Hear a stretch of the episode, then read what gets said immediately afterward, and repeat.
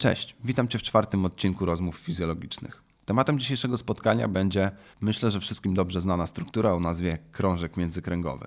W tym podcaście przede wszystkim chciałbym przedstawić Ci anatomię i biomechanikę krążków, czyli tych potocznie zwanych dysków, oraz e, korelację pomiędzy uszkodzeniami krążka międzykręgowego a pojawianiem się dolegliwości bólowych kręgosłupa lędźwiowego.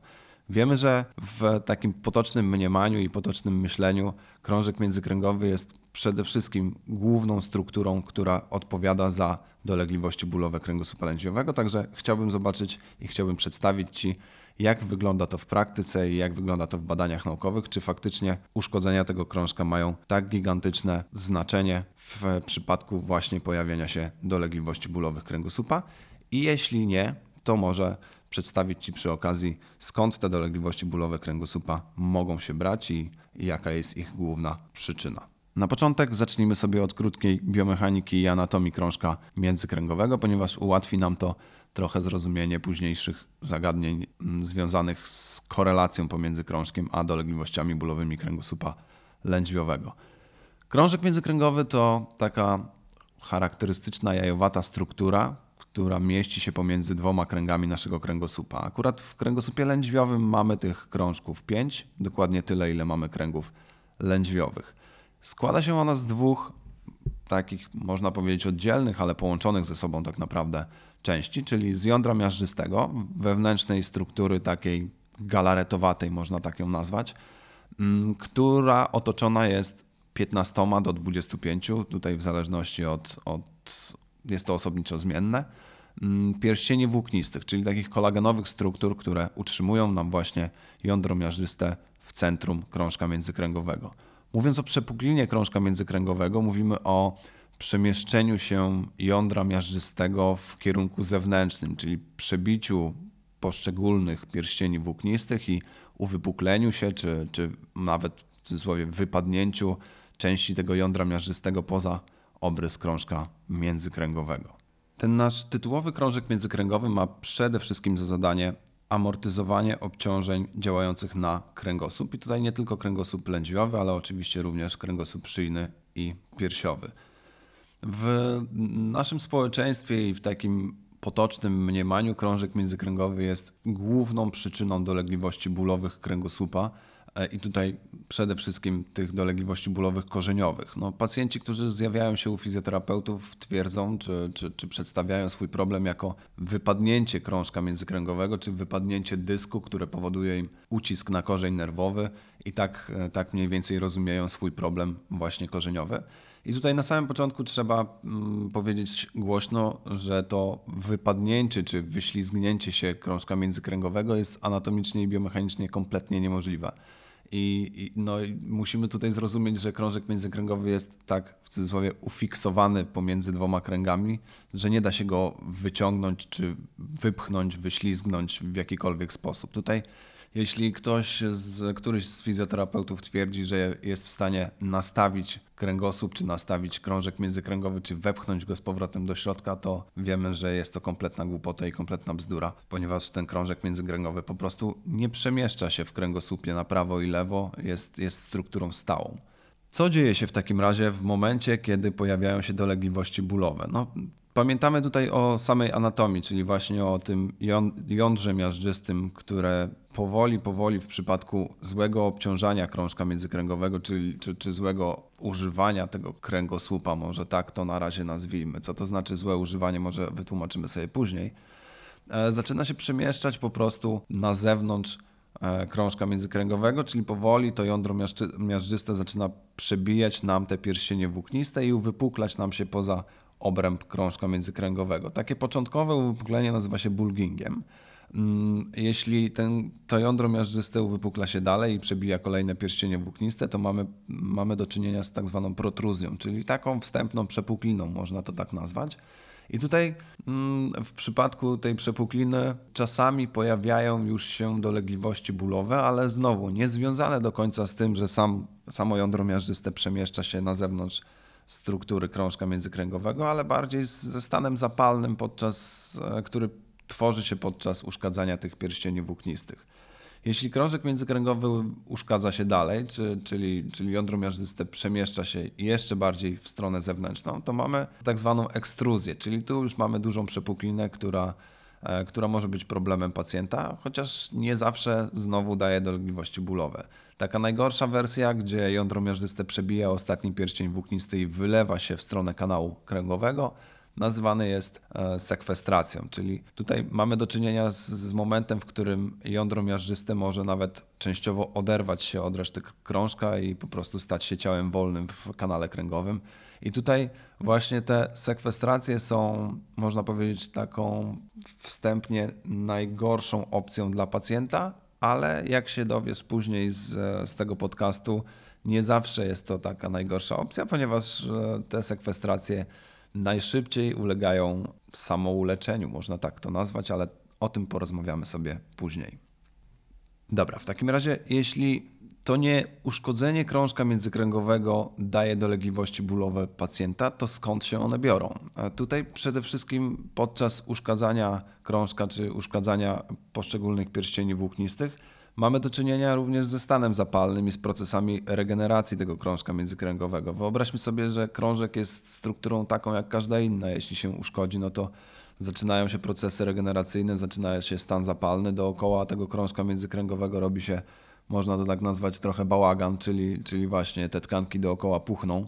I tutaj możemy mieć właśnie taką sytuację, w której te, te tkanki yy, i te procesy regeneracyjne dają nam kompresję korzenia nerwowego i tutaj właśnie dolegliwości bólowe korzeniowe. Można to też e, na to spojrzeć w taki sposób, dlaczego, dlaczego te dolegliwości bólowe korzeniowe w większości przypadków po 6-8 tygodniach leczą się samoczynnie. Tutaj, mm, jeśli spojrzymy na pacjentów, którzy nie byli poddani fizjoterapii, to oni faktycznie po 6-8 tygodniach od takiego ostrego epizodu w większości przypadków zaczynają odczuwać coraz mniejsze dolegliwości bólowe. Czasami te dolegliwości bólowe znikają całkowicie. Oczywiście po takim okresie zostają im tam poszczególne kompensacje tak zwane, czyli zmiany takie funkcjonalne organizmu, nad którymi warto nadal popracować, nawet jeśli te dolegliwości bólowe znikną ale dlaczego tak się dzieje? Ponieważ faktycznie ten stan zapalny zaczyna się zmniejszać. Te, te, te procesy regeneracyjne radzą sobie z uszkodzeniem krążka międzykręgowego bardzo dobrze i po jakimś czasie po prostu ta opuchlizna, taka w cudzysłowie oczywiście opuchlizna zaczyna schodzić, ten, ten korzeń nerwowy ma coraz więcej miejsca w kanale kręgowym i stąd mm, możemy zauważyć właśnie poprawę u tych pacjentów po kilku tygodniach. Może to być również wytłumaczenie, dlaczego lekarze jako pierwszą pomoc w przypadku pacjentów z ostrymi dolegliwościami bólowymi kręgosłupa przepisują im leki przeciwbólowe, przeciwzapalne, leki rozkurczowe czy leki zmniejszające napięcie mięśniowe. No tutaj pamiętajmy, że to jest działanie na te skutki uszkodzenia, czyli właśnie na ten stan zapalny, na ten, na ten w cudzysłowie bałagan, który zrobił nam się dookoła korzenia nerwowego czy, czy, czy na segmencie. I widzimy, że po 6-8 tygodniach takiego leczenia farmakologicznego faktycznie ci pacjenci się poprawiają bólowo. Ale pamiętajmy, że jeśli nie popracujemy później nad funkcją tego pacjenta, czyli nie poszukamy przyczyny tego uszkodzenia krążka międzykręgowego, to ta przyczyna nadal będzie nam robiła ten tak zwany bałagan i nadal będzie nam uszkadzać krążek międzykręgowy. E, no i tutaj nic się nie zmieni. Tak? Tu statystyki pokazują, że jeśli nie jest wprowadzona fizjoterapia i nie, nie popracujemy nad kompensacjami pacjenta i nie popracujemy nad samą przyczyną, a zniwelujemy tylko skutki w postaci bólu, to 80% z tych pacjentów wraca do lekarzy czy do fizjoterapeutów właśnie z ponownym ostrym epizodem bólowym w ciągu kolejnych dwóch lat. Dobrze, w takim razie, jeśli wytłumaczyliśmy sobie trochę e, powstanie ostrego epizodu bólowego i, i, jego przyczyny i skutki, jakie mogą się pojawić właśnie po takim ostrym epizodzie bólowym, to porozmawiamy również o sprawie przewlekłej, czyli pacjentach, którzy nie zjawiają się u fizjoterapeutów czy u lekarzy z dolegliwościami bólowymi takimi nagłymi, które pojawiły się nie wiem, przy schyleniu, podniesieniu czegoś ciężkiego ale zjawiają się z dolegliwościami, które pojawiają się u nich od dwóch, trzech, pięciu, czasami nawet dziesięciu lat. I tutaj znowu, e, czy problemem jest krążek międzykręgowy? No, no tutaj większość pacjentów faktycznie przychodzi i mówi, o bo ja mam tam dyskopatię, mam duże zmiany w, e, właśnie w kręgosłupie, no tutaj jakieś odwodnienie, tu przepuklina, tu jeszcze jedna przepuklina i to daje mi dolegliwości bólowe przewlekłe. Otóż nie. Sam krążek międzykręgowy jest bardzo słabo unerwiony e, i bardzo słabo ukrwiony, więc e, zazwyczaj po prostu nie daje dolegliwości bólowych, bo nie ma takiej możliwości. Mm, dolegliwości bólowe przewlekłe związane mogą być albo ze zmianami faktycznie strukturalnymi kręgosłupa, i tutaj widzimy te zmiany strukturalne na na przykład rezonansie magnetycznym. Pacjent robi sobie rezonans magnetyczny i widzimy zmiany w, w stawach kręgosłupa, zmiany w tkance miękkiej otaczającej kręgosłup, gdzieś tam e, zmiany w więzadłach, które, które stabilizują nam również biernie kręgosłup. Także te zmiany strukturalne oczywiście są dosyć istotne ale pamiętajmy, że jako fizjoterapeuci nie leczymy rezonansu magnetycznego. Jeśli coś jest w rezonansie magnetycznym, to nie znaczy, że w funkcji musi to dawać dolegliwości bólowe. I tutaj znowu tak samo jak z krążkiem międzykręgowym, inne struktury, które widzimy, że są uszkodzone, również nie muszą nam dawać dolegliwości pacjenta. Jeśli pacjent zjawia się u nas i mówi, że bolą go plecy czy, czy boli go kręgosłup od miesiąca, ma lat 50 i widzimy w rezonansie magnetycznym duże zmiany tego kręgosłupa, to pamiętajmy, że te zmiany nie pojawiły się w ciągu ostatniego miesiąca. Tak? Musiało się zadziać coś dodatkowego, co te zmiany strukturalne mm, albo mocno pogłębiło, albo w ogóle nie, nie jest związane z tymi zmianami strukturalnymi, a raczej ze zmianami funkcjonalnymi, funkcjonowaniem tego pacjenta w życiu codziennym, co dało nam pojawienie się dolegliwości bólowych u pacjenta. No i tutaj właśnie dochodzimy do tego sedna, czyli e, struktura i funkcja. I, i mm, znowu wrócimy sobie do tego, że widzimy pacjentów, którzy w strukturze, w rezonansie mają znakomite kręgosłupy, rewelacyjne. Są to młodzi pacjenci, nie wiem, 17-18 lat, którzy nie mają problemów strukturalnych w rezonansie, a mają dolegliwości bólowe kręgosłupa, ponieważ w funkcji coś nie działa.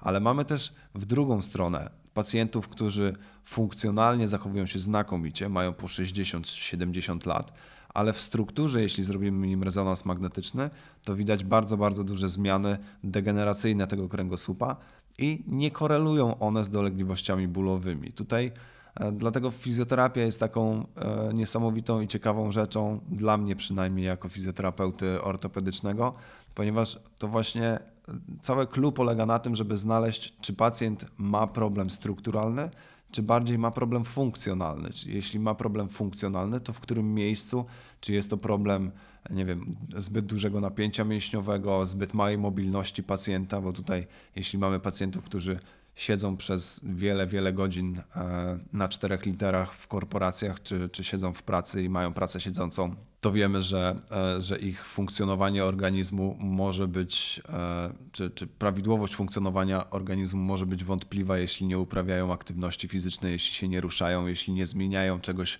w swoim funkcjonowaniu i jedyną ich aktywnością jest dojście z samochodu do pracy i z pracy do samochodu. Także tutaj pamiętajmy, że nasz organizm ma określoną mobilność, którą warto również utrzymywać. I tutaj nie mówię o rozciąganiu, tylko mówię o takiej podstawowej mobilności typu skłon w przód, wyprost kręgosłupa, czy, czy skłon w jedną, drugą stronę, czy, czy rotacja w prawo, czy w lewo, która jest bardzo, bardzo ważna w, w mojej ocenie i ta, nad, nad tą rotacją powiem szczerze, że ja jako fizjoterapeuta, jeśli widzę brak mobilności u pacjenta, badam sobie tego pacjenta funkcjonalnie, widzę, że jego zakresy ruchomości są nie takie, jak powinny, e, no to nad tą rotacją pracuję w pierwszej kolejności.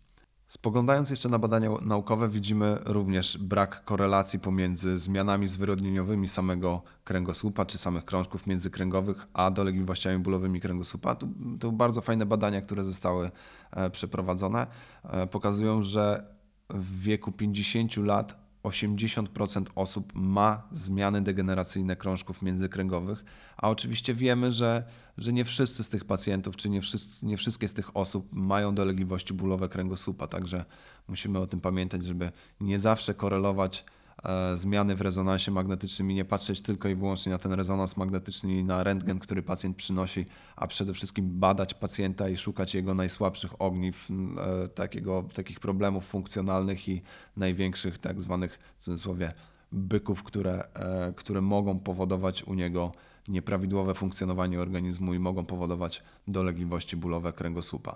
Same dolegliwości bólowe kręgosłupa są takim, jak już powiedziałem, gigantycznie multidyscyplinarnym problemem. To nie jest tylko funkcja i struktura. Mamy tutaj również e, czynniki psychologiczne, które mogą wpływać na pojawienie się dolegliwości bólowych. Mamy, mamy choroby psychiczne, mamy, e, mamy zaburzenia psychologiczne, które również mogą zwiększać poziom dolegliwości bólowych. Tutaj stres, który pacjent odczuwa, tutaj problemy społeczne, problemy rodzinne, to wszystko kumulując się razem e, może również wpływać na samo odczuwanie nie tylko dolegliwości bólowych kręgosłupa, ale w ogóle wszystkich dolegliwości bólowych u pacjenta i jego zachowanie i jego jego, e, jego problemy takie e, w życiu codziennym również mają gigantyczny wpływ właśnie na pojawienie się dolegliwości bólowych. Tutaj jest korelacja jest bardzo, bardzo duża i tu ja zawsze mówię, że e, dolegliwości bólowe kręgosłupa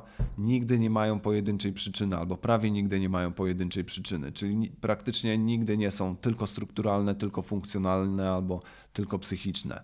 Tutaj, żeby zaszło pojawienie się dolegliwości bólowych kręgosłupa, te czynniki po prostu się nawarstwiają i można powiedzieć łączą ze sobą. I jeden z nich zazwyczaj jest taki wiodący, na przykład problem psychogenny, ale ta reszta jest, można powiedzieć, wspomagająca, czyli, czyli są to mniej istotne rzeczy, ale jeśli ich nie zniwelujemy, to również gdzieś tam dojdziemy do pewnego momentu zmniejszenia dolegliwości u pacjenta, ale nie zniwelujemy ich całkowicie. Tutaj wracając jeszcze do multidyscyplinarności samego bólu kręgosłupa, e, nie możemy zapomnieć również o diecie pacjenta i o odżywianiu e, tego pacjenta. No, wiemy, że żywność, którą pacjent spożywa, ma gigantyczny wpływ na jego cały organizm, także na to również warto zwrócić uwagę i o tym bardzo często się zapomina jednak w przypadku leczenia pacjentów z dolegliwościami bólowymi kręgosłupa. No i oczywiście narządy wewnętrzne, które mm, mają bezpośrednie połączenie z, i, i mogą mieć bezpośredni wpływ na dolegliwości bólowe kręgosłupa. Tutaj główną, głównym działem fizjoterapii, który zajmuje się właśnie e, problemami narządów wewnętrznych i ich wpływem na różne dolegliwości bólowe, nie tylko dolegliwości bólowe kręgosłupa, jest właśnie osteopatia. I tutaj w przypadku pacjentów, którzy mają korelacje, czy mają dodatkowe problemy mm, z narządami wewnętrznymi, warto się do osteopaty wybrać, aby jeszcze dodiagnozować czy zdiagnozować oprócz problemów funkcjonalnych, strukturalnych, oprócz gdzieś tam wpływu na dietę, właśnie e, kierunek narządów wewnętrznych. Wracając jeszcze do tych problemów funkcjonalnych pacjenta, musimy pamiętać o tym, że nie muszą to być tylko problemy takie pierwotne, które spowodowały nam uszkodzenie krążka międzykręgowego czy uszkodzenie jakichkolwiek innych struktur. E, widzimy u pacjentów po takich ostrych epizodach bólowych właśnie bardzo, bardzo dużo kompensacji i bardzo często pojawia się u nich również tak zwana kinezjofobia, czyli, czyli taki strach przed ruchem, strach przed wykonywaniem jakichkolwiek czynności czy, czy jakichś aktywności fizycznych. Ci pacjenci po prostu psychicznie nie do końca wiedzą, jak się mają ruszać, nie wiedzą, czy mogą się w ogóle ruszać, w jaki sposób, co mogą wykorzystywać e, i, mm, i no po prostu boją się, że przy każdym prostym skłonie czy podniesieniu czegokolwiek, nawet nie wiem, kilograma, dwóch kilogramów, czy, czy kota, czy psa z podłogi, po prostu pojawi im się ponownie epizod bólowy, mm, to jądro miażdżyste znowu dalej się będzie w cudzysłowie wylewać, czy, czy krążek międzykręgowy dalej się będzie uszkadzać i, i ten epizod bólowy doprowadzi do wyłączenia ich ze, czy to ze społeczeństwa, czy z, z pracy zawodowej, czy, czy, czy po prostu będzie powodował bardzo duże dolegliwości bólowe. No i widzimy u pacjentów, którzy już mieli taki ostry epizod, że mm, oni samoczynnie ograniczają swoje aktywności fizyczne do minimum. Jeśli nie muszą się schylać, to tego nie robią. Jeśli nie muszą dźwigać nie wiem, siatek ze, z, ze sklepu, to tego nie robią. I my jako fizjoterapeuci musimy troszeczkę przekonać ich, że prawidłowy ruch jest absolutnie bezpieczny i absolutnie niezbędny, żeby taki następny epizod bólowy się po prostu nie pojawił. To my musimy zdiagnozować, co było przyczyną, jakie aktualnie pacjent ma kompensacje, jakie ma problemy funkcjonalne, wyłapać jego najważniejsze, najistotniejsze rzeczy i postarać się je zniwelować, przekonać trochę pacjenta do tego, że musi się zacząć ruszać. I to, że wykonuje skłon w przód, jest absolutnie tak samo naturalnym ruchem, jak to, że schodzi na kolanach w dół i podnosi cokolwiek innego, czy, czy cokolwiek z podłogi. Mm, no bo pamiętajmy, że skłon w przód no nie jest złym ruchem, tak? Nie ma złego ruchu. Jest ruch źle wykonywany, albo ruch, który nie powinien być wykonywany e, w tym momencie, ponieważ ma pacjent jakieś kompensacje, które warto najpierw zniwelować, żeby ten ruch mógł wprowadzić bezpiecznie. Jeśli wytłumaczyliśmy sobie już e, różnicę pomiędzy problemami funkcjonalnymi i strukturalnymi, przedstawiliśmy sobie ten model biopsychospołeczny, te najważniejsze czynniki, które mogą wpływać na pojawienie się dolegliwości bólowych, to wróćmy sobie jeszcze do tego tytułowego krążka międzykręgowego i zastanówmy się, w których momentach faktycznie to uszkodzenie krążka międzykręgowego robi się dla pacjenta groźne i w którym momencie warto się zastanowić na przykład nad zabiegiem operacyjnym takiego krążka. No tutaj Badania pokazują mm, bardzo jasno, że mamy tak naprawdę trzy główne kryteria, w których warto zastanowić się nad e, zabiegiem operacyjnym, właśnie mm, czy to mikrodissektomią, czy stabilizacją, czy zastąpieniem krążka naturalnego e, krążkiem sztucznym.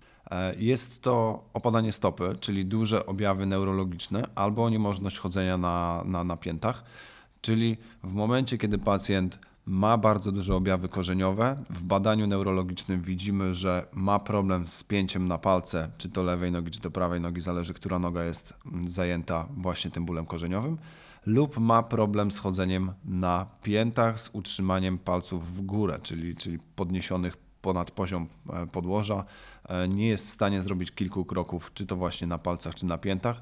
Może to świadczyć o faktycznie o bardzo dużych deficytach neurologicznych i zdarza się, i to jest bardzo, bardzo ważne, że zdarza się, że ci pacjenci nie mają już dolegliwości bólowych kręgosłupa, ale pojawiają się u nich właśnie objawy motoryczne, czyli mięśnie przestają pracować. I to jest bardzo niebezpieczna sytuacja, w której faktycznie warto pacjenta odesłać do neurochirurga i neurochirurg tutaj musi zadziałać.